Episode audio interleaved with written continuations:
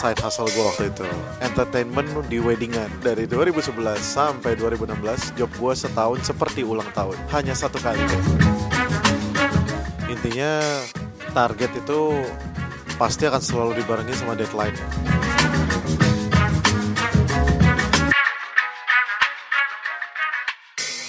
Arya coba nyanyi.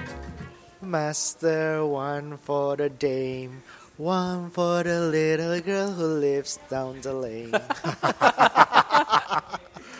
Kalau kata pesulap di Indonesia sempurna. Sempurna. Kalau kata Pak Sidin 100. Eh, kita ada di tempat yang unik banget, beda dari biasanya. Namanya apa yo? Ayo, Aryo kayak doyan nih ke sini. Bagi gue nggak unik karena ini salah satu tujuan yang dicari di sebagai gue yang punya anak kecil di Jakarta tapi masih ada kopinya. I see. Oh, Jadi masih orang ada. tuanya bisa have fun, anaknya juga bisa have Iya, fun. setidaknya orang tuanya nungguin anaknya main sambil ya ngobrol hahaha iya, atau iya, bahkan iya. kerja. Yes. Oh, Jadi teman-teman kita habis lunch di Fujin di bawah, Hmm. and then kita naik ke atas ke Mama E. Mama ini. Kebetulan banget nih um, untuk rekaman bagusnya kita nggak ada yang anak kecil main sih. Kalau di saat ini peaknya, ramenya, Betul, Rup, betul. wow. Tapi di depan kita ada anak kecil yang sudah dewasa nih. Waduh. gue pertama ketemu Suaranya jelas dewasa sih. suaranya Suaranya jelas. jelas dewasa. Pertama ketemu tuh di mana ya waktu itu ya? Coffee shop yang sekarang udah tutup di Peak. Di pick ya. Iya. It was like 6 7 tahun yang lalu. Right. Yes. Iya. 2014. Oke. What was your first impression of him? Ini orang multi talented, Heeh. tapi dia nggak nggak diva Oke. gitu Oke. menurut gue. Jadi kayak maksud gue at the time gue ketemu dia pun gue juga bukan siapa-siapa Ya, ya, ya, ya, gitu. ya. Tapi malah dia inisiasi dan dia yang lebih semangat dulu gitu. Kayak jiwa kreatornya tuh udah ada ini orang. What do you think? Gue pertama kali ketemu dia di Singapura. Oke. Uh, jadi by I don't know persamaan kita apa saat itu. Kenapa kita berdua diundang oleh satu brand yang sama, sebuah Yeah. brand teknologi? Um, kan gue asumsinya adalah yang lain juga adalah tech influencers atau nggak Yeah. gadget reviewer Yeah. atau apa. Yeah. Ternyata bukan. Kita diundang ternyata ke acara yang sebenarnya gue yang out of place. Karena itu adalah YouTube Fan Festival. Impression gue dari dari awal ketemu dia juga udah kelihatan ini kayaknya masih muda sebenarnya. Tapi kok sua- pertama dari suaranya udah berat Iya, iya, iya. dan pembawaannya juga kayaknya lebih dewasa daripada umurnya. Hmm, Dan sekarang ketemu lagi kayaknya memang gitu. Kayaknya pikirannya memang udah lebih advance menurut gue daripada orang-orang seumuran dia. mungkin sebenarnya dia nggak dia udah lebih tua sih ngakunya aja muda. Kita nggak pernah ngecek akte lahir Oh, ya. eh, Oke, teman-teman welcome Christian Bong. Halo, terima kasih Ruby dan Aryo. Christian Bong ini a lot ya. Uh, Title-nya mungkin banyak ya. Iya. Content creator iya. Content creator. Entrepreneur iya. Musisi iya, Musisi iya. Benar nggak? komposer iya. Cuma kebetulan mungkin title itu tuh kayak yang lumayan saling berhubungan gitu loh. Oke. Nggak yang jauh-jauh banget lah. Nggak Iya, yang iya, kayak misalnya satu di metalurgi, satu lagi di uh, musisi gitu. Karena kan jauh banget kan. Satu lagi dokter gigi misalnya. Iya, itu, iya, iya. Ini ini yang lumayan deket lah. Iya, karena art gitu. benang merahnya musik ya. Iya. Benang Iya. merahnya musik. Nah, ceritanya Chris ini enakan Chris apa Bong sih? Gue tuh biasa manggil lu Bong. Sebenarnya di Indo terutama maksudnya seneng manggil gue bong karena Hmm. Oke. buat yang mungkin not uh, marijuana related Baru ini unik. belum jam Nah, 4 itu. 20 nih. ya buat yang non marijuana related ini unik Yes. Oke. Bong bong bong bong gitu dan mungkin Iya. beberapa dengernya ini sounds funny gitu loh I see. bong gitu Dan tapi Chris buat memang banyak soalnya ya Chris Ah, ya. ah, Chris Chris banyak Tian Iya. banyak dan cuma ini gue agak repotnya pas waktu keluar jadi kalau kalau keluar Iya, iya, iya. English nggak usah jauh-jauh gitu lah ya. English speaking language gitu Da- mereka tuh yang kayak a bit shock gitu kayak Christian Bong oh are you sure Uh, oke gitu What's your real name gitu ditanya. Iya, lagi. what's your real name gitu. Iya, sebenarnya susah juga karena gue ini Bong ini kan dan namanya dari Hakka Chinese name gitu. Iya, iya. Yang di mana Bong ini kalau kita telusuri rootnya, ini adalah dari Huang. Hmm. Oke. Dan Ada Huang- artinya nggak?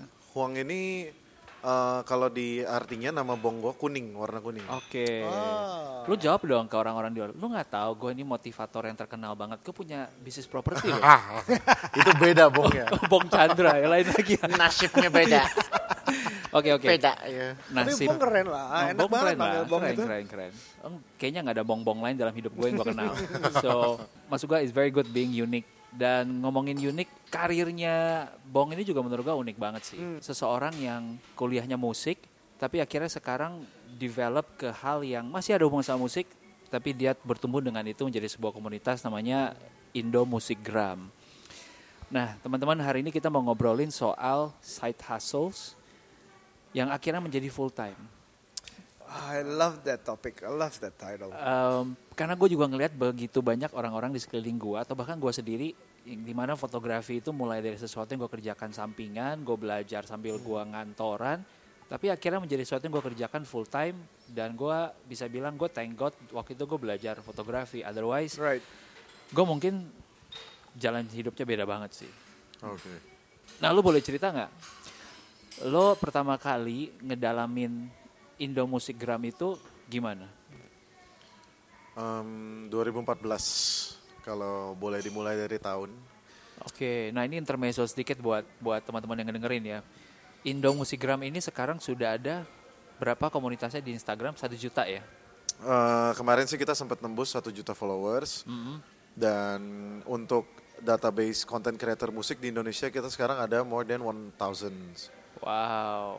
untuk content creator musik dan memang udah lebih dari 100 content creator musik juga yang kami bantu untuk mereka level up menjadi musisi, menjadi. YouTuber, Dihubungkan iya, dengan go label gitu ya? professionals, ya. Oke, wow.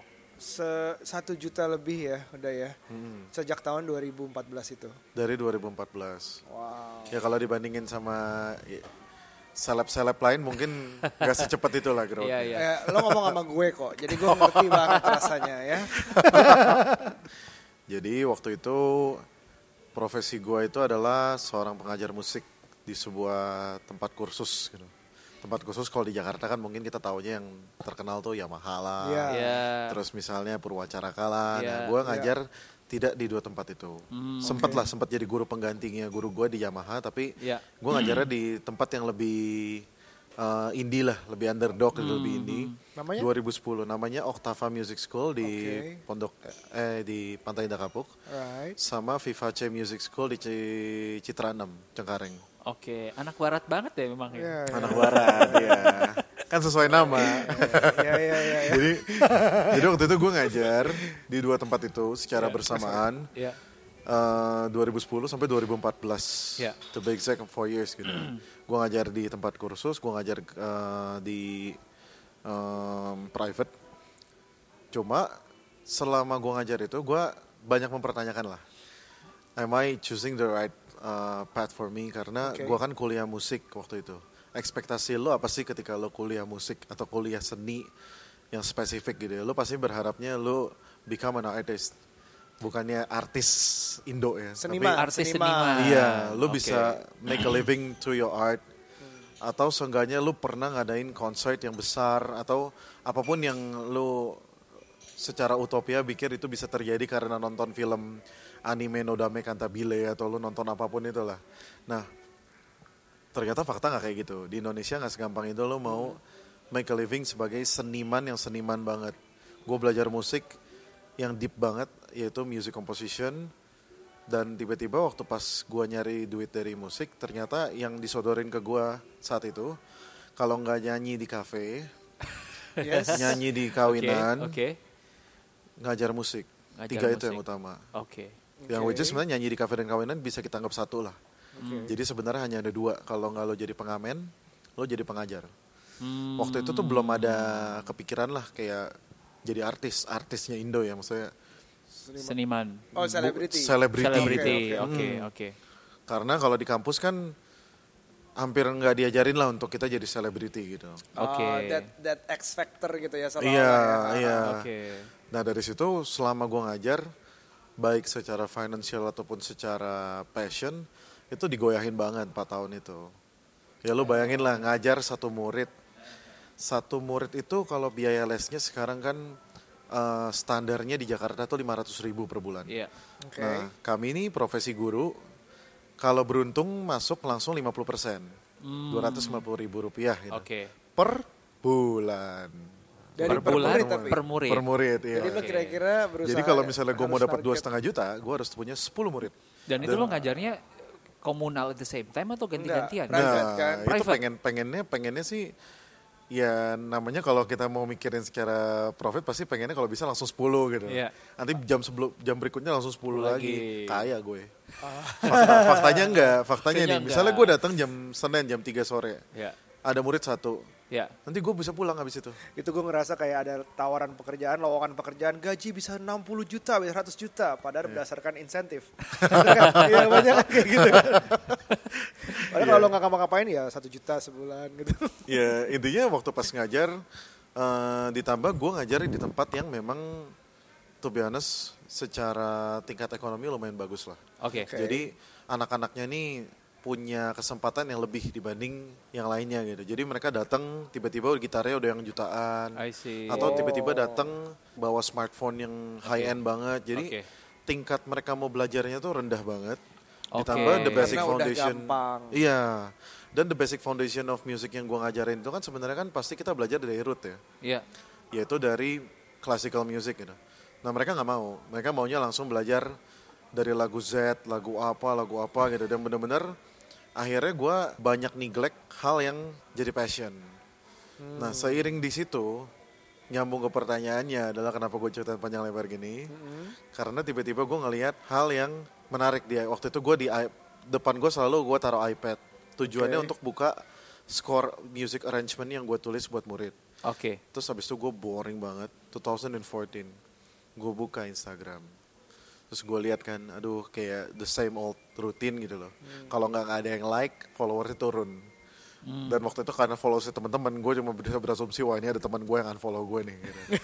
karena teman-teman semua gitu. They, they were no strangers at all gitu Iya, kan. iya, iya. dan tiba-tiba gue ngeliat waktu itu entah siapa yang nge-repost atau gue lihat di explore eh ada video-video lucu. Oke. ada video-video lucu yang durasinya 15 seconds and then done. No repeat waktu itu compete with Vine Iya, Iya. betul. Vine kan betul. 6 seconds and Ini- repeat gitu betul, dan, betul. sementara Instagram itu 15 seconds no repeat Iya. dan gue yang kayak Wah, ngakak banget gue. Waktu itu gue ngeliat ada Chandra Leo, salah Iya, satu iya, yang gue lihat Edo Zel gitu. Dan gue liat kayak, anjir ini apaan gini? You know, what, what kind of wave gitu. Dan gue bener-bener ngulik mereka semua. Dan gue follow dan terus gue mikir, kayak buat musik tuh ada nggak ya? Hmm, Ya, bikin ah iseng gitu. No Iya. hashtags. Gue cuma bikin aja. Gue jadi interval between gue ngajar. Misalnya jam 3 sampai jam 3.45. Usually jadwal ngajar tuh 45 menit ya. Iya. Nah baru ada lagi jam 4. Nah 15 menit itu gue pakai buat bikin-bikin musik. Gua selalu seneng kalau touch point-nya itu masuk dari angka. Karena Oke. menurut gua realistis. Oke. Kayak ujung-ujungnya ya lu kerja buat ngapain sih? Ya oke lah buat ngidupin gua sehingga Hmm. meteran paling pertama ya sorry to say ya duit dulu gitu. Hmm. Eh, lo beruntung bisa ngerjain musik yang lo suka juga. Di waktu kapan yang lo akhirnya bilang, oke, gue akan meninggalkan ngajar, ngamen, gue mau full time ngerjain si Indo Music Gram ini. Apakah karena alasan, oke, gue akhirnya bisa ngasilkan uang yang sama juga, atau memang lo ngelihat, oh ini potensinya gede, apa yang terjadi, gue akan hajar. Jadi waktu pas dari 2014 itu, dulu kan kalau dulu wujud perkenalan itu adalah ketika lu di fallback gitu. Jadi tiba-tiba nih orang-orang yang bikin waktu itu community yang video ini ada namanya Indofitgram. Yes. Gue di fallback sama mereka semua. Dan Oke. akhirnya gue di DM sama Bena Kribo waktu itu. Ah iya Dia iya iya. iya. encourage gue, Bong gue liat YouTube lu, ternyata lu udah upload dan for your info, gue gua memang upload my first video since 2006 gitu. Iya. Jadi memang gue bener-bener pakai YouTube dari zaman dial up connection. Iya. Tapi Wow, memang gue nggak pernah ya? optimize. gue nggak pernah optimize channel itu. Gue biarin aja dan Hmm. akhirnya singkat cerita terjadilah Indomusikgram karena pertemanan gue dengan uh, inisiator slash founder Indofitgram yang jumlahnya 8 orang itu. Gue belajar dari mereka banyak banget dari Ya. gimana uh, mengembangkan komunitas, gimana berhubungan dengan brand, sampai akhirnya di tahun 2014 sampai 2017 itu gue banyak mencoba untuk uh, karena waktu itu kan gue graduate 2013 ya setelah kuliah gitu. Iya. Nah, sebagai seorang sarjana, pasti kan gue berusaha untuk apa nih standar lah, abis buang duit, gimana caranya nguasalin duit. Iya. gue nyoba macam-macam, termasuk Indo Musikgram, dan gue ngelihat dari segi grafik, terutama grafik penghasilan gitu ya. Iya. Yang paling eksponensial tuh ini gitu, paling bergeraknya lumayan kebaca gitu. Dan akhirnya Iya. 2017 gue memutuskan untuk ya udahlah, fuck it semua yang gue jalanin, yang lainnya gue pernah ada channel YouTube game Iya. yang bukan review game ya, Iya. tapi membahas industri game Indonesia. Lu sempat ngebahas dari sisi musiknya juga ya? Iya, Hmm. dan memang gue komposer game dari 2012 sampai 2015. Gue pernah score music for game, industri game lokal ya, itu 4 apa 5 game lah. Wow. My biggest achievement dulu sempat game yang gue score itu ada di Tokyo Game Show. Wow, that's why waktu lu ke Jepang. Iya, Oke. tapi itu gue tinggalin semuanya full. Wow. Gue bener-bener gue ngelihat kayak kalau gue jalanin semuanya kayak gue nggak mungkin bisa gitu, Hmm, nggak mungkin bisa maksimal. Ya udahlah, satu-satu gue cut. 2017 gue memberanikan diri untuk sewa tempat untuk eh, jadiin kantor Indo Musikgram. So, Indo Musikgram dijadikan suatu dari komunitas awalnya ya. Hmm, dari komunitas. Jadi sekarang suatu bisnis. Yes. Oke, yang bergerak eh, menghasilkan apa saja? Kalau di Indo Musikgram saat ini line bisnisnya utamanya ini Instagram placement karena memang growth utamanya dan awalnya ini dari Instagram. Oke. Lalu yang kedua kami juga sebagai production house uh, membuat video konten khusus buat klien yang memang punya aset musik atau yang belum punya aset musik tapi mau bikin aset musik lalu aset musiknya itu mau diselaraskan juga dengan visual video Ah, gitu. video. Oke. Ah, Iya, iya, lalu iya, iya. sebagai manajemen bakat, talent management, Ya. kami juga memanage content Content creator, creator. musik seperti yang tadi sempat gue ceritain ada seribu lebih database. Iya. Jadi misalnya, oh eh, di Jogja butuh eh, seminar musik nih dari eh, content creator yang menggunakan instrumen Gamelan. gamelan gitu ya. Bener banget nih gamelan ini. Karena waktu Iya, itu iya. kami kerjasama sama content creator dari eh, Lamongan ya kalau nggak salah, Gamelawan namanya. Hmm. Jadi kami yang manage dia untuk jadi salah satu klien, Iya, eh jadi iya. jadi salah satu performance di acara klien dan Oke. eh, kami yang dokumen acara itu juga secara video. I see. Banyak ya source dan of banyak sih. revenue. Ke depannya memang gue pengen bener-bener ada di seluruh ranah, ada di edukasi, ada di publishing, ada di distribusi, dan ada di event. Oke. Semua dengan benang merahnya Benang lagi merahnya. tetap musik. Iya. Oke, wow, Ah. wow, nggak kebayang ini ini bermulai dari sebuah Instagram account yang dikerjain sambil dia ngebosen ngajarin anak Iya. Iya, Dari sambil waktu main, luang. Anak les ya. iya.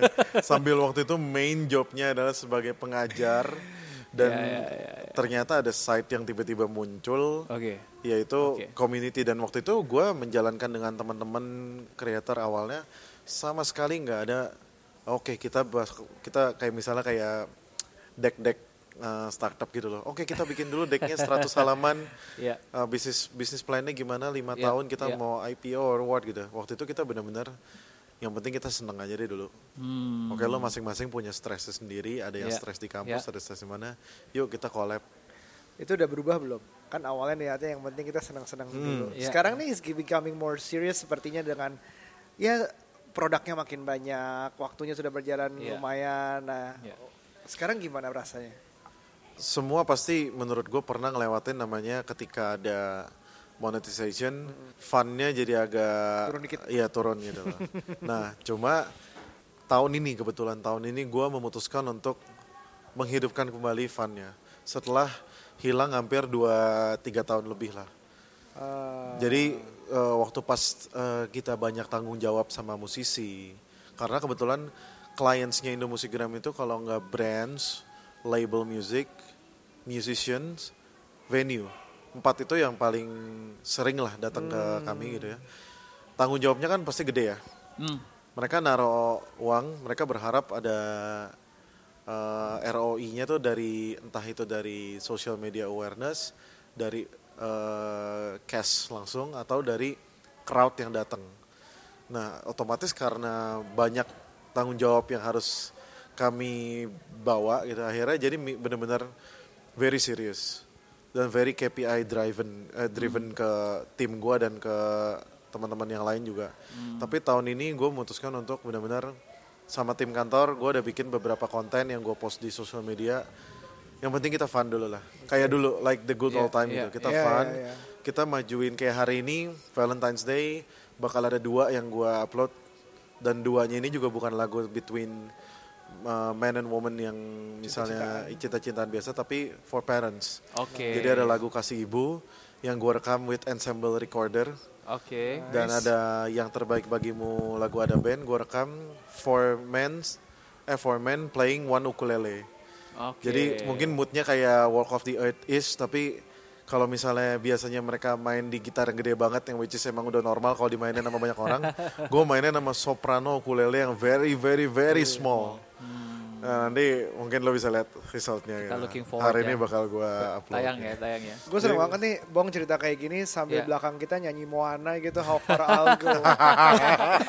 Makin naik lagi lagunya. Iya, makanya dari tadi gue kayak ngedengerin some of Disney songs yang dimainin on background gitu. oh my god gini Tapi keren loh Disney Songs tuh gue banyak Iya, banget yang iya, memang iya, awalnya bagus, cuma iya. demi nyenengin anak tapi artinya banyak banget yang bagus. Iya iya iya. Jadi, the reason, back to that, the reason I ask um, dulu fun awalnya semua mulai dengan fun terus akhirnya monetization masuk agak turun funnya terus sekarang Ya. mengembalikan funnya.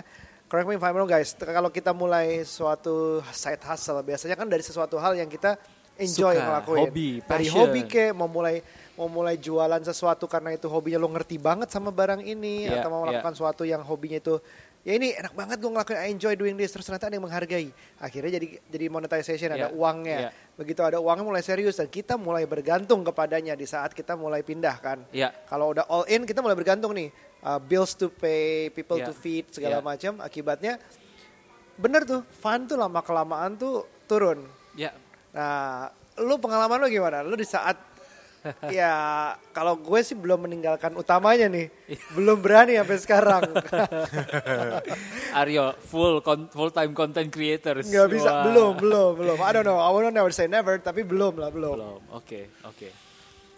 Gimana, Bong, duluan? Eh, Lu 100% kan sekarang in- Indo Musicgram kan? Iya 100% dan udah udah live through it ya, udah Iya. udah ah, berawal dari side hustle itu keren banget.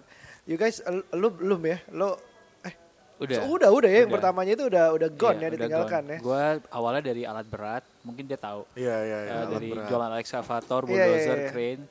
Em, waktu lucunya gini sih, kalau gua kalau gua again pendekatannya sangat praktis. Waktu itu gua mau lompat full time, gimana? Ya gue bertanggung jawab ke diri gua sendiri. Gue juga nggak mau lompat full time, terus nanti gua karena sangat membutuhkan project, akhirnya gue terima project apa pun Iya. yang akhirnya malah nggak counterproduktif buat gua dan buat yang gue kesenangan gue ini gitu. Jadi yang pertama gue lakukan adalah gue nabung biaya hidup buat setahun. Nggak mewah tapi gue bisa hidup tanpa gue harus punya klien kasarnya gitu. Nah terus ya dengan harapan ya mungkin Tuhan nggak jahat banget lah ya masa setahun gak ada klien gitu. Tuhan baik gitu kan. Dan ternyata emang benar Tuhan baik gitu ya. Akhirnya ya dapat aja gitu hidup. Bahkan si tabungan itu kepake sangat minimum.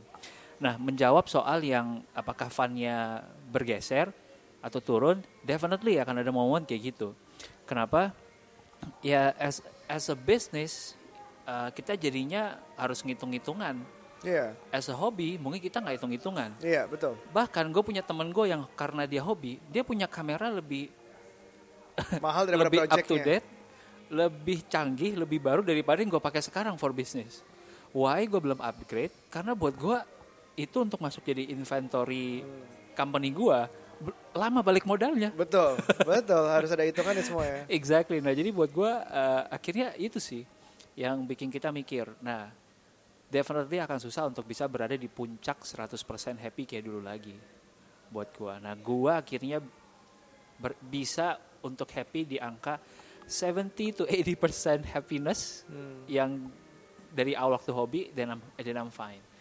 Gue merasa kalau fun fully 100% lo ngelakuin dengan hati, uh, tanpa mikir costnya berapa, tanpa mikir untungnya berapa, uh, hasilnya paling maksimal tuh di situ. Uh, itu kerasa nggak di lo yang turunnya itu kalau lo funnya turun, kualitas lo tuh turun. Eh, lebih kayak gini sih in art menurut gua ketika lo udah sampai ke titik pernah membuat beberapa konten lo pasti udah mengerti bahwa behind it ada formula Oke. Nah, formula ini kalau memang lo mau menjadi a good artist biasanya selalu tidak digunakan. Oke, you have you have a formula, but don't you ever use that formula ketika lo mau bikin yang berikutnya karena should be fresh gitu loh. Gue Oh, gue selalu bu- buka mikir kayak gitu. Nah, tapi ketika misalnya funnya sudah turun, usually yang terjadi adalah formula gue pakai.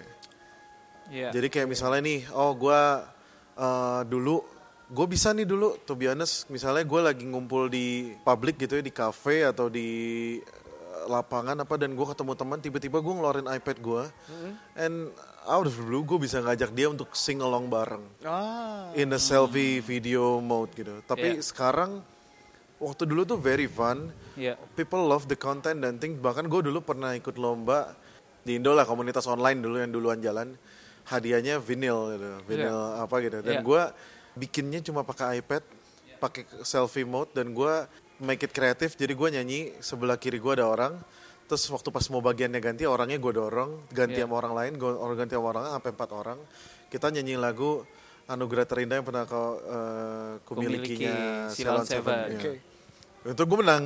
Gue dapet vinyl yang gue seneng banget anjir. Gue bilang very fun gitu. Cuma kalau sekarang gue disuruh kayak gitu, mungkin gue jadi banyak mikir. Gila Iya. technical problemnya gimana kan Iya. ada noise. Iya, Kan kalau di depan eh, kita nggak bisa ngelihat banget. Nah. Kalau kalau kan gue bisa ngelihat layar ketimbang lihat eh, lensa. Kamera Iya. selfie-nya iPad juga Iya. jelek Iya, iya kualitasnya kamera gitu, selfie-nya iPad macam. juga nggak nggak nggak bisa deliver yang gue mau gitu. Iya, iya. Ya jadinya kayak gitu akhirnya gue jadi banyak formula. Oh kalau gue pengen kayak gitu, ya udah gue pakai Gorilla Pod dengan kamera yang apa, tapi seolah-olah gue megang kayak dulu. Tapi di atas Gorilla Podnya gue udah naro uh, Mic. Bukan. microphone Ah, ah. Iya. dan mungkin kalau emang ternyata belakangnya terlalu noise, gue pre-record dulu. Jadi sebenarnya lip sync.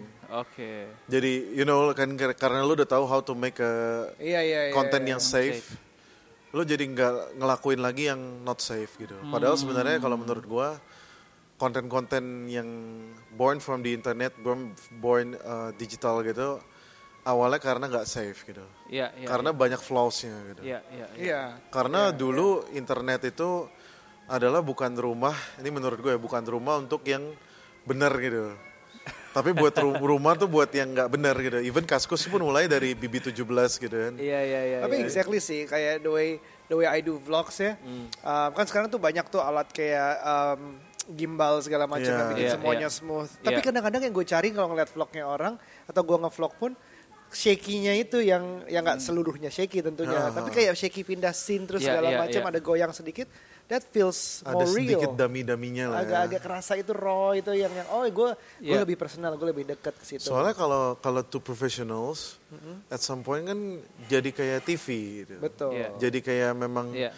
professional made gitu. Jadi gua ya itu mungkin funnya, funnya funnya turun ketika kita jadi seperti yang lain.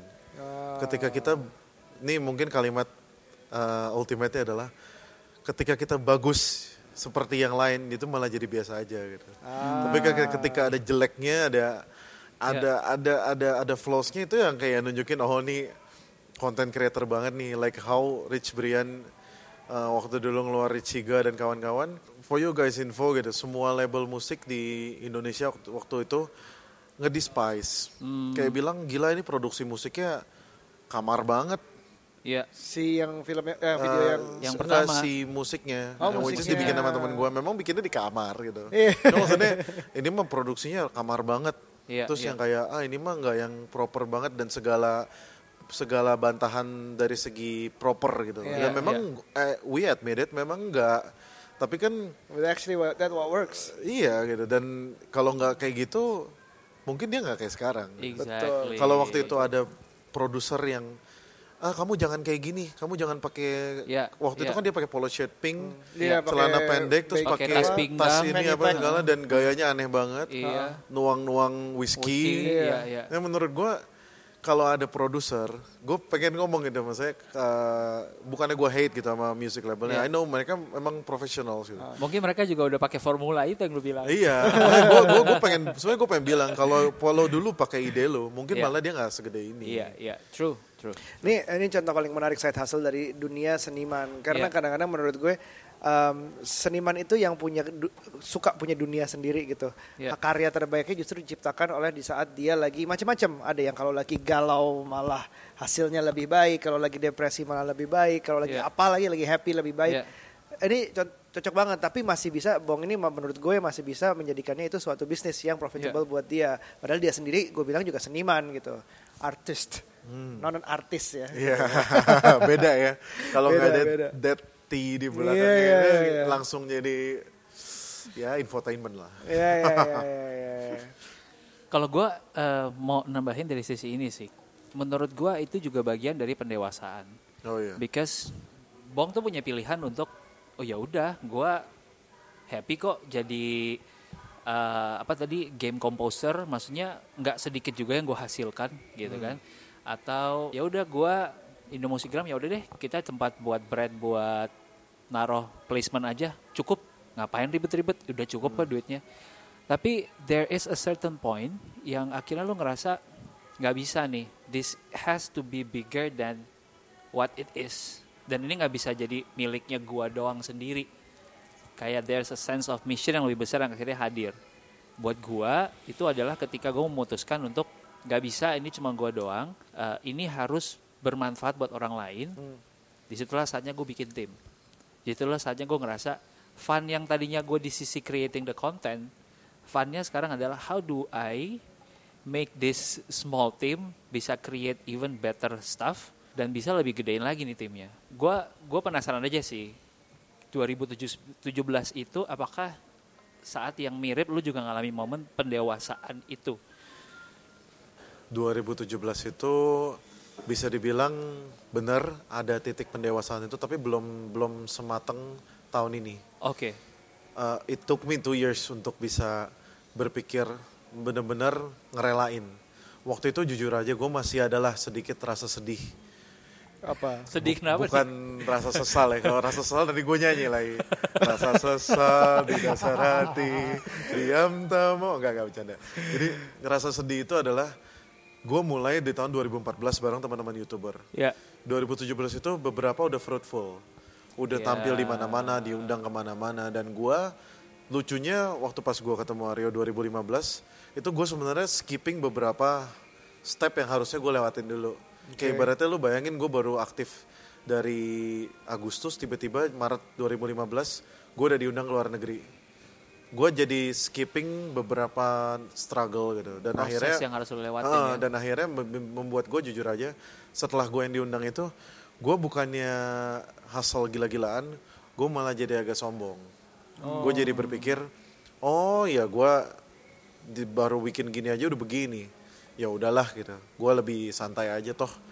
Ya toh juga everything gonna be okay gitu. Gue dulu Iya, mikirnya iya, kayak gitu gitu. Dan intinya waktu pas kebentok sama gue mesti ngembangin Indo Musikgram ini juga karena memang waktu itu kan kita mulai beberapa orang.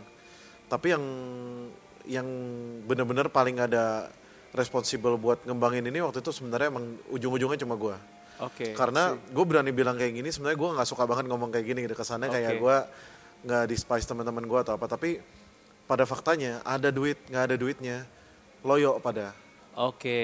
dan gue sampai mempertanyakan kok bisa? Gitu loh. Sampai ada duitnya pun kalian loyo ngerjainnya. Oke. akhirnya gue memutuskan untuk 2016 2016 gue ngomong ke mereka semua ya udah ini kita disband ya sistem yang ngelogin account ini banyak orang. Gue aja udah deh. Tapi nanti you guys pasti akan gue ajak kerjasama dengan brands gitu. Oke. dan they all agreed gitu. Dan ownershipnya fully lo. full gitu. Karena memang dari awal gue doang. Ya, lu dan gue ngajak Oke, mereka oke, gitu. oke, Iya. dan 2017 itu akhirnya gue melihat teman-teman yang tadi yang gue ceritain akhirnya ada yang tampil apa segala sementara karena gue banyak nggak fokus Ya. dan gue juga ngeloyo dari 2015 itu akhirnya ya gitu eh, subscriber gue nggak ya kan we live in the world yang di mana gue as content creator as youtuber di measure banget lewat jumlah subscriber iya. jumlah views Ya. bukan di art itself gitu ya ya gue sedih I see. sedih aja kayak kok gue di tahun ini yang harusnya gue bisa mungkin udah jadi content creator atau youtuber yang lumayan sukses kok gue malah nyewa kantor di Jakarta Barat Ya, ya, ya. yang di mana ruangannya kosong waktu itu gue sempat a bit a bit shock gitu loh waktu pas gue abis bayar kontrak 30 juta Damn, buat itu- dua ruangan Itu pendewasaan banget sih. dan gue lihat ruangannya kosong lo bayangin that moment gue yang kayak anjing gitu. Gue harus di ruangan ini dan gue harus isi satu-satu barangnya dari nol gitu.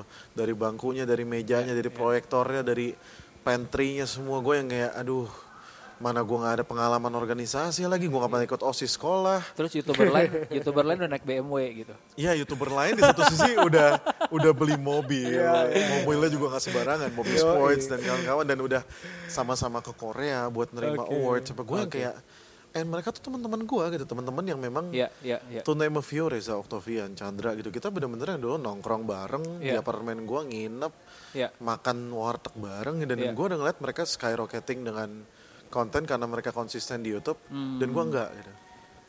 I was very shocked and sad gitu dan gue waktu pas hiring my first two one two person, gue masih banyak culture shock yang dikit-dikit gue keluar buat nyari hiburan gue sendiri, entah itu gue ngerokok misalnya atau gue nyari orang yang deket-deket sekitar situ buat ngobrol. Iya, iya, iya. Setahun pertama tuh berat banget buat gue. 2017 ke 2018. Dan itu apalagi gue bingung how to how to attract clients, how to make a good content. Gimana cara buat datang pagi? Gue nggak pernah datang pagi, cuy. Terakhir gue sekolah datang pagi. Tiba-tiba gue datang pagi. Wait until you have kids. Iya. Yeah. Oh gitu ya. You don't sleep at all. Makanya lo gak ada bangun pagi karena lo nggak tidur. Dan jadi setelah setelah dua setelah gue akhirnya gue setahun I made it 2018. Iya. Wah gue yang kayak senang banget gila akhirnya gue ternyata gue bisa ya. Dan di tahun 2018 itu gue benar-benar mulai ngadain sebuah event Indo Musikgram bernama Indo Music Day. Oke. Tahun lalu kami mengadakan acara ini Community Day yang mempertemukan content creator yang memang born digital dengan big musicians. Oke. To name a few kita udah ngundang Anji, Jerox, Piwi Gaskins, um, Enda Endresa, even legend Om Chandra Darusman pernah main di acara Indo Music Day. Dan within 3 to 4 months kami berhasil menjual acara Indo Musikgram ini secara temporer ke brand. Waktu Oke. itu Telkomsel Loop. Oke. Dan juga ada venue lain yang bekerja sama yaitu uh, Neo Soho. Oke. Dan itu struggle-nya setelah bisa dibilang bukan setelah satu dua kali ngadain eventnya. Oke. Tapi setelah belasan kali ngadain eventnya baru bisa gue jual ke sono. Oke. Dan di situ gue belajar banyak karena gue nge-MC. When you, when you are the MC of an event gitu, lu harus background research kan terhadap orang yang lu sebut gitu. Iya. Siapa sih dia? Iya. Apalagi gue nyebut content creator yang antah berantah lah, gue nggak tahu siapa dia. Hmm, hmm. Adalah namanya Fayeri Sakota, Ciko Silitonga gitu. Gue nggak tahu siapa dia gitu dan bahkan terkenal aja mereka belum gitu loh. Jadi gue gue men-profiling mereka seolah-olah mereka adalah the next big thing. Iya. Yang harapan gue pun begitu ya. Dan Iya. tapi gue harus bisa create those Story. story gitu loh as an MC dan Indo Musikgram mengundang lo di sini buat ayo tunjukin apa yang mau lo tampilin ke penonton ke teman-teman gitu. Dari situ gue belajar pendewasaan yang tadi mungkin lo ceritain bahwa ternyata energi yang gue sedihkan di tahun lalu 2017 bisa gue salurin juga ke orang-orang yang mungkin spiritnya sama kayak gue di beberapa tahun lagi mundur tapi mereka fokus di situ. Dan tahun ini 2019 gue lebih matengin itu lagi dengan karyawan gue sendiri justru yang gue ajak. Jadi instead of gue bikin mereka setiap hari hanya desk job, Iya. setiap hari cuma ngerjain project-projectnya Indo Musikgram, tapi gue ngajak mereka juga untuk make musical work together. Dan gue ngebatasin mereka dari segi konten-kontennya karena mereka kan masih banyak yang liar ya maksudnya gue mau bikinnya begini aransemennya mau begini berisik banget apa nah berbekal pengalaman gue dari empat tahun lalu untuk bikin konten dari yang jelek banget sampai yang lumayan gue ngerem mereka oke bikinnya jangan kayak gini. Daripada aransemennya lo giniin mendingan diginiin. Oke kita bikin satu menit daripada kayak gitu mendingan begini mendingan begini. Hmm. ya akhirnya salah satu achievementnya within satu bulan di Januari ini salah satu karya di gua sama uh, di tim Kuakui. Ya, kuakui itu sempat di eh, dibahas masuk ke CNN. CNN. Ya, di. TV Oh, gitu. wow. Jadi mereka kayak bilang ada satu grup akapela Indo Musigram yang membuat aransemen kuakui ini gitu. Ya, ya, ya. Started from a meme ya. Heeh, dan gue seneng aja ngelihat mereka yang kayak kayak gue empat tahun lalu gitu loh yang Iya, dikit-dikit ngecek notifikasi wah gue gua gua nambah 100 follower bos gitu gue yang nambah gue nambah 5 gue nambah 10 gitu Dan tim lo ini semua musisi ya? Oh, kebetulan musik? kebetulan memang backgroundnya rata-rata Musik semua. hampir sama sama gue Oke. mereka kuliah musik Oke. atau mereka seenggaknya uh, kayak tim graphic design obviously not kuliah musik gitu. Ya. tapi have a big interest in music gitu. I see. Alright. Jadi karena benang merah itu ada dan di kantor gue juga full of musical instruments, we have ukulele, we have recorder, pianika dan ya kenapa enggak gue ajak mereka aja gitu. I see. Oke. Kalau Aryo mungkin ada. Gue um, ini ceritanya kan kayak uh, you guys has a bit of the same of the same story bahwa mulainya dari side hustle yang jadi full like full like full completely. Si Bong mulai sampai ka- udah kontrak kantor masih kosong masih bingung segala macam. The struggle is was real at that time.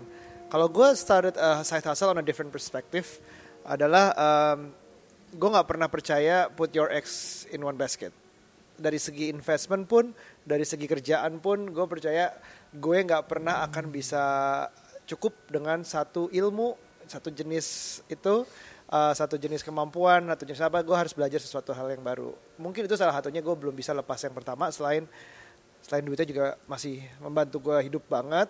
Terus yang baru ini lumayan udah mulai taking off, tapi gue nggak mau sampai kayak ninggalin yang pertama karena gue yakin mungkin yang pertama itu akan menjadi sesuatu yang autopilot yang bisa akan di uh, kalau kalau organisasi adalah kaderisasi untuk ada pemimpin-pemimpin baru di Iya, situ iya. but I will never be off out of it at all Iya, karena iya, gue iya. percaya investing working it's all gonna be more than one basket gitu Iya. X-nya harus ada di mana-mana itu perspektif gue tentang side hustle sih yang Hmm. harus ada mungkin Rup lo kan dari udah jadi nih Hmm. side hustle lo udah jadi, udah jadi suatu perusahaan juga. Ya. Um, where you guys, where you guys going with this? Abis itu akankah ada side hustle lagi Um, atau mengembangkan yang currently exist? mengembangkan yang currently exist menurut gua harus banget karena I owe it to myself, I owe it to the team dan gua gua ngerasa gini sih, ini yang ngegedein gua gitu, nggak bisa nggak boleh gua tinggal Iya. gitu. Uh, dan gua masih punya banyak mimpi yang gue pengen kerjain di in my my first side hustle yang jadi gede ini. Cuman at the same time semakin gua grow, sekarang umur 32 gitu ya. Gue jadi punya ketertarikan yang berbeda, yang tadinya spesifik ke creating, jadinya developing tim tadi. Ya. Making ideas happen dari zero sampai akhirnya kejadian. Side hustle baru ada banget. I just started a new company about 3-4 weeks ago. Three Ketemu four sama- weeks ago. Ya, uh, wow. uh, ada hubungan sama edukasi, uh, ada ada hubungan sama podcast, ada hubungan kenapa gua bikin si account Felixandro. Ini kayak mengcompile semuanya menjadi satu. Uh, itu sih, jadi gua lagi starting something new. Mungkin ini sekarang masih side hustle, tapi one day gue bisa ngeliat bisa jadi serius juga. Gitu. Jadi nggak pernah berhenti menurut gua. Oh, oke oke. Bang, um, how does someone start to know side hustle itu bisa jadi serius? Bisa jadi your main income, bisa jadi your main profession, your main career. Kalau Kodenya apa gitu? kalau gue lihat variabel x y-nya itu adalah x is money, y is um, position. Position. Name, name gitu. Ah, oke. Jadi kenapa gue bilang position? Karena ketika gue content creator dulu, no matter how big collaboration yang udah gue buat dengan youtuber terkenal atau misalnya how many views, how big the views yang gue dapet, status gue tetap adalah kayak anak-anak muda yang semangat aja gitu loh. Oke. Yang oh ya udah lu youtuber, Ya, Oke, misalnya misalnya bisa ada orang-orang yang tahu ngajak foto apa, but that's it. You're you're a youtuber gitu loh, adalah eh, pelaku. Lo adalah pelaku di dunia entertainment gitu. Tapi once side hustle ini membawa lo ke orang-orang yang lo nggak eh, lo nggak tahu sebelumnya, tapi orang ini benar-benar the man behind the guns. Ini yang menurut gua kalau buat gue sih ini yang menurut gua signal. Konfirmasi ya. Di- Karena gua surprisingly di tahun 2017 itu juga gua tiba-tiba had meetings a lot banget sama managing directors music label. music label di Indonesia. Oke. The biggest people behind it. Oke. Dan gua tahun lalu gua datang ke Music Matters di Singapore. Itu juga gue bareng sama music sama managing directornya Trinity Optima gitu. Oke. Which Berdua is- barengan sama dia gitu. Gue Dan taunya Trinity Property. no. Kembali ke Kenapa bong ya? yang satu Kenapa? lagi. Kenapa selalu I know that bong is Iya tapi Menghantui lu ke mana pun Iya ya. tolonglah Kok ini, ya? ini highlightnya gue nih bong bong yang ini gitu loh. Trinity Optima apa? Trinity Optima itu label musiknya Afgan, Oh, oke. Rosa. Oke, oke. uh, Ungu, Oke, lanjut. Jadi lu Iya. ke Singapura. barengan sama dia dan gue ya itu music industry key players dari Indonesia semua ada di situ dan gue ketika gue di treat sama mereka eh, bener-bener yang Pak Bong ngomongnya Pak kayak gitu. Bong. Selamat siang Pak Bong Baik. Pak Bong apakah bisa, saya ambilkan bong? Iya. Pokoknya bener-bener yang oh kalau soalnya kalau misalnya kita bicara um, variable money gitu ya Ya. itu bisa confusing sometimes gitu. Iya. Bisa kita kan apalagi in art scene lu bisa tiba-tiba dapat duit yang banyak banget karena how good you present the ideas gitu loh. Ya. Di kayak misalnya pekerjaan jingle di Indonesia itu range from paling murahnya kalau misalnya ada yang mau jual di angka 5 juta sampai tertingginya bisa 100 juta gitu loh. or more gitu ya. Hmm. Nah, ada kasus eh, jingle itu dijual 40 juta hanya jinglenya cuma kayak cuma papa pip pip gitu, kayak gitu doang. Cuma sesingkat itu tapi 40 juta gitu kan. Oke. Cuma gara-gara lu jago banget dalam present. Nah, itu kan be confusing gitu karena lu, lu akhirnya jadi bingung misalnya kalau gue bilang money waktu itu karena gue dari content creator pun gue ada penghasilan gue kan jadi blur nih Ya. panggilannya ke mana ya tapi karena yang satu ini benar-benar eh, oh Christian Bong Indo Musigram diajak meeting ngomongin hal yang sangat serius. Oke. kayak misalnya menggantungkan eh, campaign sebuah band ke Indo Musigram dan membuat campaign pertama artis pertama dari label ke Indo Musigram Wow. lu bayangin yang kayak how big the responsibility was gitu dan gue yang Oke. kayak dan yang ngomong langsung itu adalah MD MD-nya gitu loh. Ya. Gue gue sih jujur aja me- sangat menganggap itu adalah sebuah signal. Oke. Oh ini Oke. saatnya gue udah nggak boleh bercanda lagi Iya, karena iya. once gue ketemu sama higher up people yang mungkin berkas-berkas birokrasinya tebel banget dan mereka di belakangnya orang legalnya juga banyak banget, gue nggak bisa comes up with oh gue Christian only. Gue harus punya tim, gue harus punya a stable team, a stable place yang bisa gue benar-benar rely on kalau misalnya quality control yang mau gue bikin itu harus sama terus. Interesting. Ya, Ya. Tapi kalau misalnya as youtuber, ya udah misalnya let's say gue ketemu sama Chandra Leo di kontrakannya dia, terus gue ketemu sama Raditya Dika di rumahnya dia gitu loh. Mereka nggak pernah measure gue dari eh, tim gue atau apa. Mereka measure gue dari personality gue, Ya. dari karya gue, personality dan taste gitu. Tapi Ya. kalau misalnya clients, no. Mereka sangat measure dari gimana cara kita dress kan dan kawan-kawan. Ya. Nah di situlah gue kayak oke, no belakang gue tembok udah, gue nggak bisa mundur lagi, gue cuma bisa move forward. Oke. Rup, gue mau um, note it down with this side hustle thing. Ini adalah contoh side hustle yang gone right gitu. Ya. Side hustle yang sukses dan dia bisa menentukan full time uh, untuk side hustle dan sekarang jadi seperti apa ini sekarang. Nah, lo itu kan juga punya tim ya, lo kan punya karyawan Iya. juga dan lo bergerak karyawan itu pun itu perusahaannya bidang kreatif juga Iya. gitu dan banyak sekali memang mungkin juga karyawan lo atau tim lo atau siapa pun yang ada side hustle-nya Iya. sambil kerja sama lo. Ya. Gue mau lihat apakah ada side hustle gone wrong gitu. Yang misalnya, gue sih pernah ya waktu menjalankan um, yang agak-agak berbau kreatif juga ada yang tim yang gue bikin lebih karena uh, ya udah gue karena gue masih menghemat gajinya sekian aja Iya. lo boleh cari Kerjaan cari kerjaan yang lain dengan aturan asal bla bla bla bla bla bla cuman aturan ya karena ini perusahaan kecil juga supervisinya juga Minimal. seadanya Hmm. Akibatnya kayaknya lebih nikmat dari yang freelancing dari yang side hustle-nya dia. Dia mungkin tapi juga menurut gue agak ke mana-mana nggak jelas gitu terimanya apa aja diterima yang penting duitnya ada. Yang gue yang sebenarnya gue melihat ini bakal bisa lebih panjang malah dilupain gitu. Menurut gue itu side hustle gone wrong. Lo pernah mengalaminya juga nggak sih? Di mana side hustle itu harusnya nggak ada nggak usah ada side hustle. Oke, wow, wow. Eh, kalau buat gua side hustle itu biasanya muncul karena dua kemungkinan. oke Yang satu eh, orang melihat sebuah opportunity sehingga lebih ke apa ya? Lebih ke ngelihat mungkin ini lebih ke monetary ya. iya Wah, ini ada peluang nih. Kalau gua nggak ngambil, wah sayang Hmm. gitu. And then ada yang bentuk yang kedua adalah I think bentuk yang kedua lebih ke eksplorasi. Uh, Iya. self expression uh, kayaknya gue seneng ini nih gue mau coba ah kayaknya ada orang mungkin sebutnya pencarian passion Hmm, iya, iya. atau si ikigai itu gitu kan. Betul. Uh, akhirnya mereka mengeksplor. Sehingga kalau tergantung skenario jadi kalau skenario yang pertama kemungkinan besar ya akan go where the money is. Iya. Sehingga sangat simpel kalau orang yang tadi kerja bareng sama lo dia emang looking for money terus dia sambil side hustle ngerjain yang lain and then this side hustle menjadi money yang lebih gede definitely dia cabut selesai karena that's the first The, drive-nya Iya, dia drive-nya gitu dia. kan. Kalau yang kedua orang yang sifatnya adalah explore, kemungkinan besar dia akan decision makingnya bukan hanya di uang doang. Gitu. Bisa jadi gue ada tim juga yang eh, bantuin gue totally nggak berbayar cuy.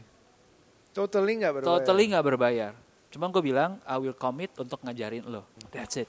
And he stays gitu. Karena dia tahu bahasanya gini, kayak Gary V dia bilang. Gary V kan ngomong nih, jalan yang terbaik buat lu sekarang nih kalau anak-anak baru lulus kuliah adalah you go to the sun.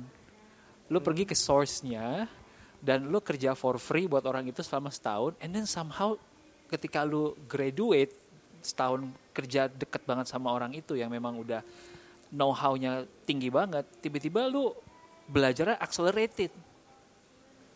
Itu nggak bisa dibayar dibandingkan dengan gaji lo UMR 4 kali 12 gitu. betul betul Ya, jadi itu yang dilakukan akhirnya Ah. gitu. so you semua yang lagi ngelakuin atau mau ngelakuin side hustle you gotta know what's the drive ya What's the drive? Eh, Nggak ada salahnya juga kalau ngelihat dari uang gitu. Karena ujung-ujungnya ada juga yang misalnya gini, ini kan kita ngomongin side hustle yang kebetulan nih kayaknya pencarian passion gitu. iya Tapi kalau dia ngomong- nih. exactly. Kalau yang bentuknya adalah gua dagang di Tokopedia, exactly the only measurement you can get adalah iya toko gua bertumbuh.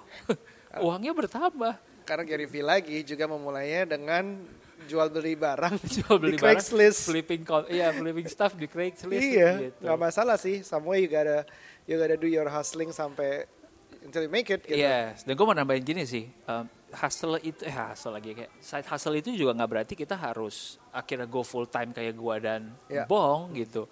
Gue bahkan pengen nih ya, mimpi gue adalah gue pengen punya kayak satu side hustle lagi nih iseng aja, yang yang gue nggak usah ngapa-ngapain, simple banget kayak iseng lah misalnya jualan combro gitu. oke Terus ternyata combro ini karena gue nggak ngapa-ngapain gitu ya, gue cuma hire satu orang buat manage dan masak dan jualin gitu. Ternyata bisa menghasilkan gue 9 juta, 10 juta per bulan. Ah. Ya udah, udah santai aja gitu. Nggak perlu, gue nggak harus passionate bikin combro masuk gue. But that, is, isn't that investing? Hah? Jadi kan lebih ke arah investment kalau kayak gitu. Jadi um, Eh, investment kan bisa berupa saham iya, atau iya, juga iya. berupa, Iya, bisnis. iya. Cuman um, bagi gue nggak full side hustle karena lo nggak ngelakuin I see. day to day-nya gitu. Um, Mungkin kalau mau tetap dibikin side hustle, lo yang design everything. Iya Terus bisa. kebetulan yang bikin combro ini adalah temen lo masa kecil. ya.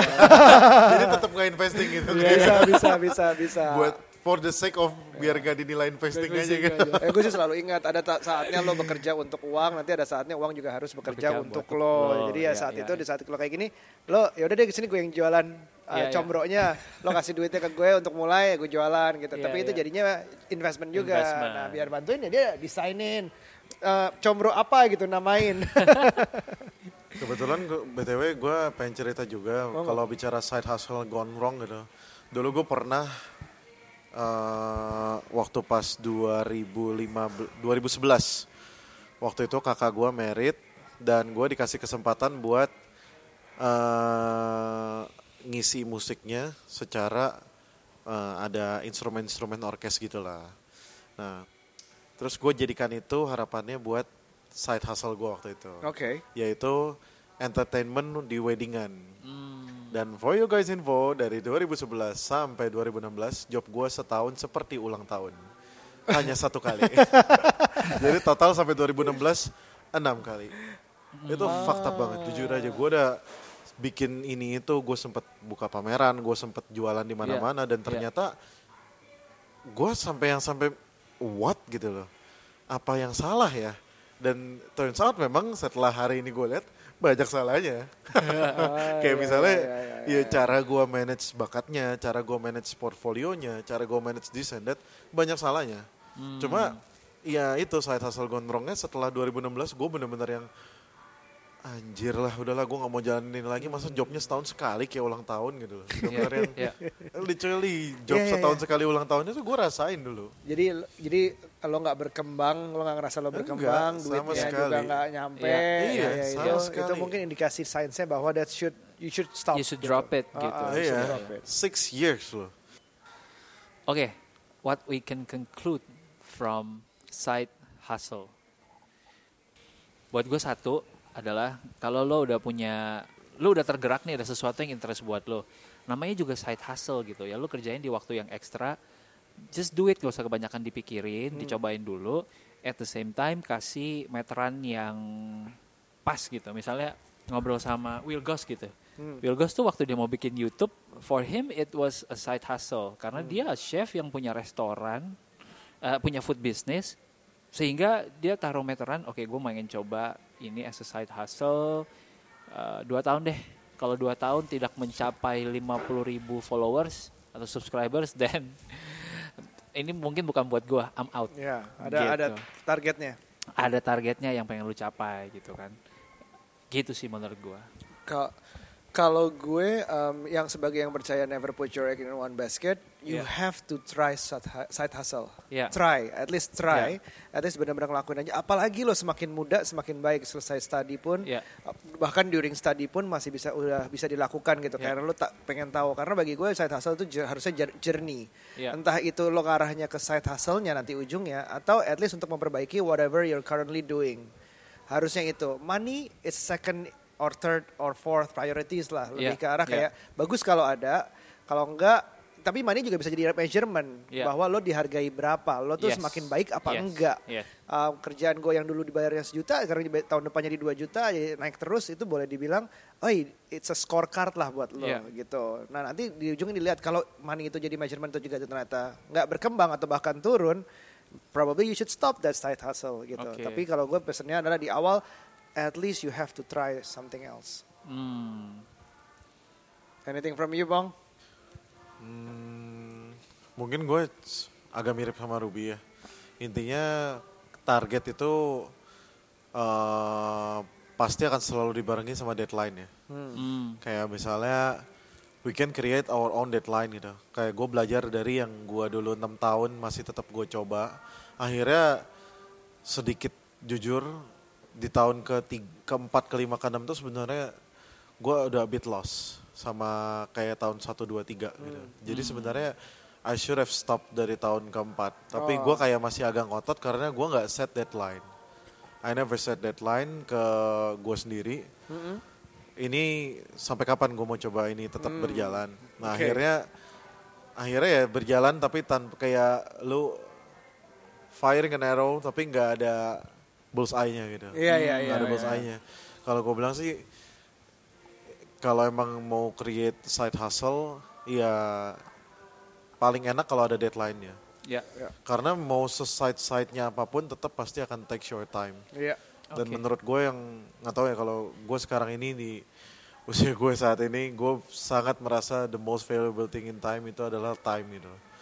Karena eh, ya ketika udah kepake nggak bisa diambil lagi. Ya. Iya, iya, iya. Jadi mau lo side side side-nya tetap ada yang namanya kayak misalnya nih gue sekarang kebetulan ada side juga di F&B gitu sama beberapa teman gue. Warung Indomie. Bukan. ya nanti gue belum bisa reveal dulu cuma ada dua side hustle gue dua di F&B ya. yang memang udah gue udah tanda tangan Kerjasama. badan hukumnya juga gitu loh. Oh, Udah wow. jadi dua PT yang Oh, berbeda. wow. Dan gue very optimistic di side hustle yang ini Yeah. in the long run. Yeah. Cuma balik lagi ketika gue ngerasa gue able pas datang ke meetingnya, ke kebetulan kantornya di Kerinci deket sini gitu. ya. Setiap dari kantor gue yang sekarang Jakarta Barat ke Kerinci takes around 30 sampai 40 menit. Pulangnya biasanya multiple karena Yeah. macet. Ya, Dan habis itu nyampe otak gue ternyata ketika lu punya site yang serius, ketika lu nyampe lu masih nyisaan kepala lu tuh di pekerjaan lu Yang yang full. utama. Iya. Jadi ternyata gue yang kayak anjir ini ternyata nggak bisa ya site itu kalau dianggap sepele gitu loh. Iya. Ternyata even even your even your smallest or your biggest site itu adalah tetap something yang very important in your life yang dan gonna consume your energy juga Yeah. untuk pikirin. Jadi, ya, ya. Jadi kayak deadline is very important kayak lo Iya. udah set uh, lo tuh mau go for uh, site lo seberapa gede dan sebelum gua tanda tangan ini setahun gua. Iya. Gue lihat secara setahun on research dan pertemanan oh ternyata ini worth a shot. Ya udahlah. Iya. Dan gue setuju sih soal ngaturin waktu itu eh, dengan bisnis baru yang gue kerjakan ini pun gue ada obrolan dengan partners kita sama-sama how many hours or how many days in a week yang lu bisa contribute to this Hmm. gitu. Dapatlah ini satu dua hari ini tiga hari ini berapa hari gitu atau berapa jam gitu dibagi-bagi dalam sehari. Eh, akhirnya kita jadi ngumpul dan oke we decide kita nggak bisa ngerjain ini sendiri definitely harus butuh tim jadi justru dari awal malah karena kita tahu kita nggak bisa full semua dan di side hustle malah mulai dari awalnya udah langsung punya tim gitu. Kita invest a certain amount kita build the team kita coba jalanin sampai periode tertentu. If it's not working deadline dari lu bilang ya udah. Kalau misalnya bagus dan we lanjut terus. Bisa jadi itu akan jadi my future full time nih Bisa full time kedua future- bisa jadi future cash call. Iya. Oke oke oke oke oke oke. Uh, It's been one hour. Um, banyak yang bisa dipelajari dari obrolan tadi. I hope teman-teman yang ngedengerin juga bisa pulling out the pieces yang important yang ngena ke kalian dan if it hits you then let us know uh, share ke teman-teman yang mungkin sekarang juga lagi mikirin gue mau terjun gak ya ngerjain side hustle gue ini Uh, bisa menjadi inspirasi untuk memulai. Uh, perjalanan gak akan mudah uh, selalu pasti ada journey-nya tentuin deadline-nya dan semoga kalian bisa mencapai yang kalian mau before that deadline. That's for me. Tapi sebelum Aryo ngasih penutupannya Oh man, bentar bentar. Pressure, Jadi- pressure. jadi Aryo bisa mikir dulu. Nah Bong since you mention lo pengen nih ada unsur-unsur funnya lagi nih di tahun ini what if sambil Aryo menyelesaikan closingnya lo coba pikirin a short jingle buat 30 days of lunch oh ini boleh Short juga. Jingle for 30 days of lunch. Iya lucu tuh, Gitu, lucu ya. tuh. Wow. gue gak kepikiran, gue juga baru kepikiran sekarang gitu ya. Aha. Eh, Aryo akan closing dan hopefully by Gue the tuh time udah Aryo lo tadi closing. Oh iya gitu ya? Gue tuh udah udah ini ditembak Ya udah, lagi. langsung aja kalau gitu. Langsung aja. ya. Waduh. Hmm, Eh, karena gua- sekarang gua ini kasih kita itu gimana? kemarin tuh si uh, Casey kan ada couples Iya. therapy kan Iya, podcast juga itu Iya. juga jinglenya juga lucu banget udah Iya, bikin iya. jingle juga dengan pokoknya teksnya gua nggak bisa nyanyiin ya Ya. Casey and Kane is doing couples therapy udah gitu dong Oh, oke. Ya itu yang Tapi diulang-ulang, dilucu-lucuin, yang- ada- yang ada barusan swing gue gitu. pengen bilang juga sih. Jadi since uh, saat ini kita ada di era instan dan Iya. um, compact gitu ya. Iya. Makin compact, mak- nanoteknologi lah. Iya. Makin Iya. kecil, makin short, makin apalah Iya. short duration and things. Iya. Memang jingle saat ini makin singkat tuh makin gokil. Kayak Iya. Sonic branding lah, kayak how PlayStation jingle dan kawan-kawannya kan Sonic Iya. singkat gitu. ah iya atau nggak iya. suara-suara messaging gitu Iya. Iya, nah misalnya 30 Days of Lunch ya nama Iya. programnya kan. Iya. Nah, kita bisa berangkat dari the, the 30 Days of Lunch itself atau apa sih yang sebenarnya dari 30 Days of Lunch ini kal satu kata yang paling lo suka gitu? Apa coba? Lunch. Satu kata. lunch. lunch is the best Nah, word of nah kalau satu katanya lunch bisa digali kayak gini. Let's say misalnya kita ngomong di selalu ada di intronya 30 days of. Nah ini nggak ada nada nih. 30 Ah. days of, 30 days of pas lunchnya. 30 days of launch. Wah. Tapi akhirnya to make it unique, not just launch. Itu kan standard. Iya, iya. Nanti kan di compile lah sama beberapa harmoni. Iya. Launch, launch, launch, launch. Gitu misalnya mau bikin kayak gitu. Tapi launch. Gitu. Dihabisin Ah, dengan sedikit oke, oke, oke, 30 oke. days of launch. Ada sedikit ya. yawning ya. Ada Iya, sedikit iya, yawning ya. Ya, ya, ya, ya. Jadi ada modern side, ada ada ada traditional side-nya I juga. like it. I, I love the way he works ya. Jadi kayak mikirnya dari kata yang paling penting, Penting dari dulu. Itu. Ya, ya, ya, ya, Jadi ya. dan lunchnya tuh lu bisa lu bisa bohong aja gitu kayak Iya, iya. kenapa ada yawning ya karena Abis makan habis siang. makan biasanya ngantuk. Yeah, that's a story. Ya, ya, bagus bagus. Gue suka Rup. I wonder if he's using his formula right now. Probably he's just having fun. Enggak, enggak, ini enggak ada formula. Yeah. Kalau kalau kalau yang lebih tradisional lagi ya ada misalnya 30 days of, 30 days of, 30 days of launch gitu misalnya. Iya. Kan orang bakal mikirnya launch gitu kan orang Iya, bakal. Mikir- expect expect-nya untuk naik. sana. Naik terus. Jadi Iya, 30 days of, 30 days of, 30 days of gitu. Orang udah mikir mau ke launch rame grande gitu Iya, ya. iya. instead of you give the that irritating voice yang launch. Kelihatan ya ini kalau eh, sekolah musiknya itu adalah vokal. Nah, kebetulan gue dulu sekolah musiknya composition. Oh composition, oh bukan ya, composition ya. Tapi gue emang pernah les vokal. Juga les vokal pernah juga. les vokal. Oke, alright, alright. Eh, thank you for the jingle. Eh, kita tunggu versi digitalnya. supaya- Lumayan kan katanya paling murah worth 5 juta ya. Kirim-kirimnya sama invoice lagi.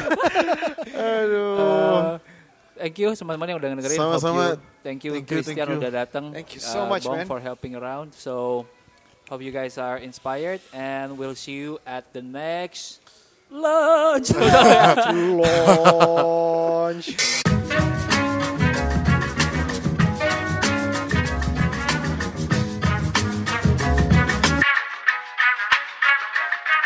Gue gua satu sih pertanyaan gue terakhir yang mungkin untuk nambah value buat teman-teman yang dengerin di sini adalah bagaimana caranya lo at the time untuk build community yang begitu solid dan akhirnya bisa grow sampai numbersnya lumayan.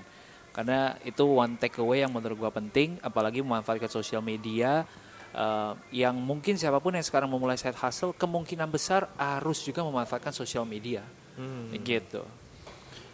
Hmm, kalau kalau gue boleh summarize everything Ya, dalam how to build a community dan gimana gue bisa uh, sampai seperti hari ini ya, itu adalah karena gue kalau bahasa politiknya ini belusukan. Blusukan. Jadi I directly contact with the community. Oke. Offline-nya lu malah kenceng ya? Offline-nya lu malah kenceng ya? Eh, Sebenarnya bukan offline-nya juga karena kalau Indo Musikgram itu kami ada line ad.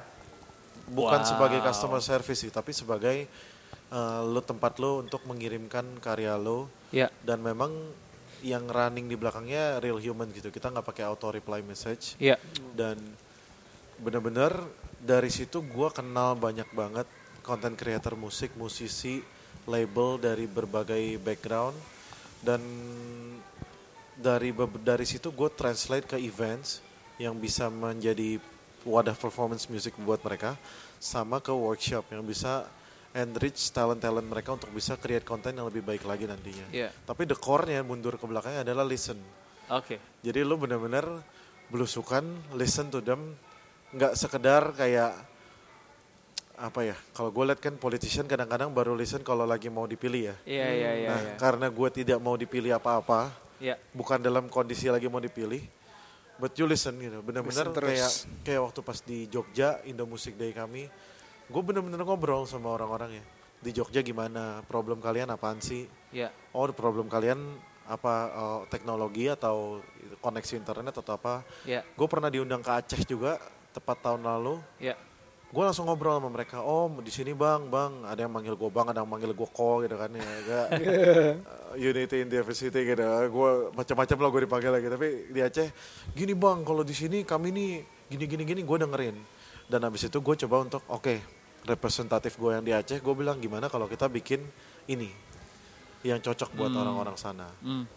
Nah, habis itu gue regularly menjual community teman-teman yang di Aceh itu ke brands yang memang lagi butuh jargon-jargon dari Sabang sampai Merauke. Oke. Core-nya itu Wow, lo menjadi turun gitu. menjadi benang merah yang nyambungin semuanya itu ya. Iya. Dan lo ngedengerin bener-bener ya lu coba jadi cari solusinya. Kayak Beyonce ya, listen ya. ya di satu sisi juga nggak cuma di nggak cuma di the bottom line gitu. Iya. Tapi gua pun ke orang-orang tinggi Iya. di label musiknya itu kan kalau mungkin lu pernah dengar ya.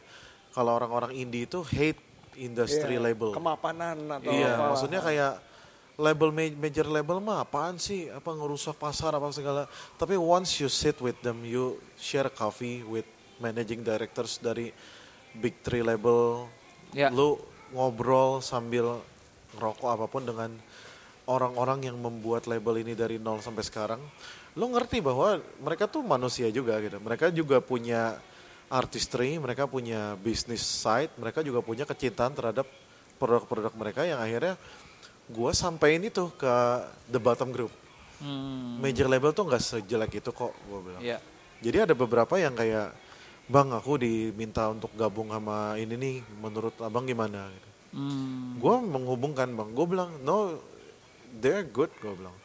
Dan gue jelasin benefitnya lo join tuh apa. Iya. Secara langsung gue nggak Iya. bilang, ya lu nanti bisa karir lu melejit apa itu kan something yang intangible gitu. Ya. Gue jelas-jelas saya bilang, oh mereka punya akses ke radio, titik. Mereka punya akses ke radio, yang which is lo kalau datang ke radio sendiri lo mau minta lagu lo diputar, nggak bisa.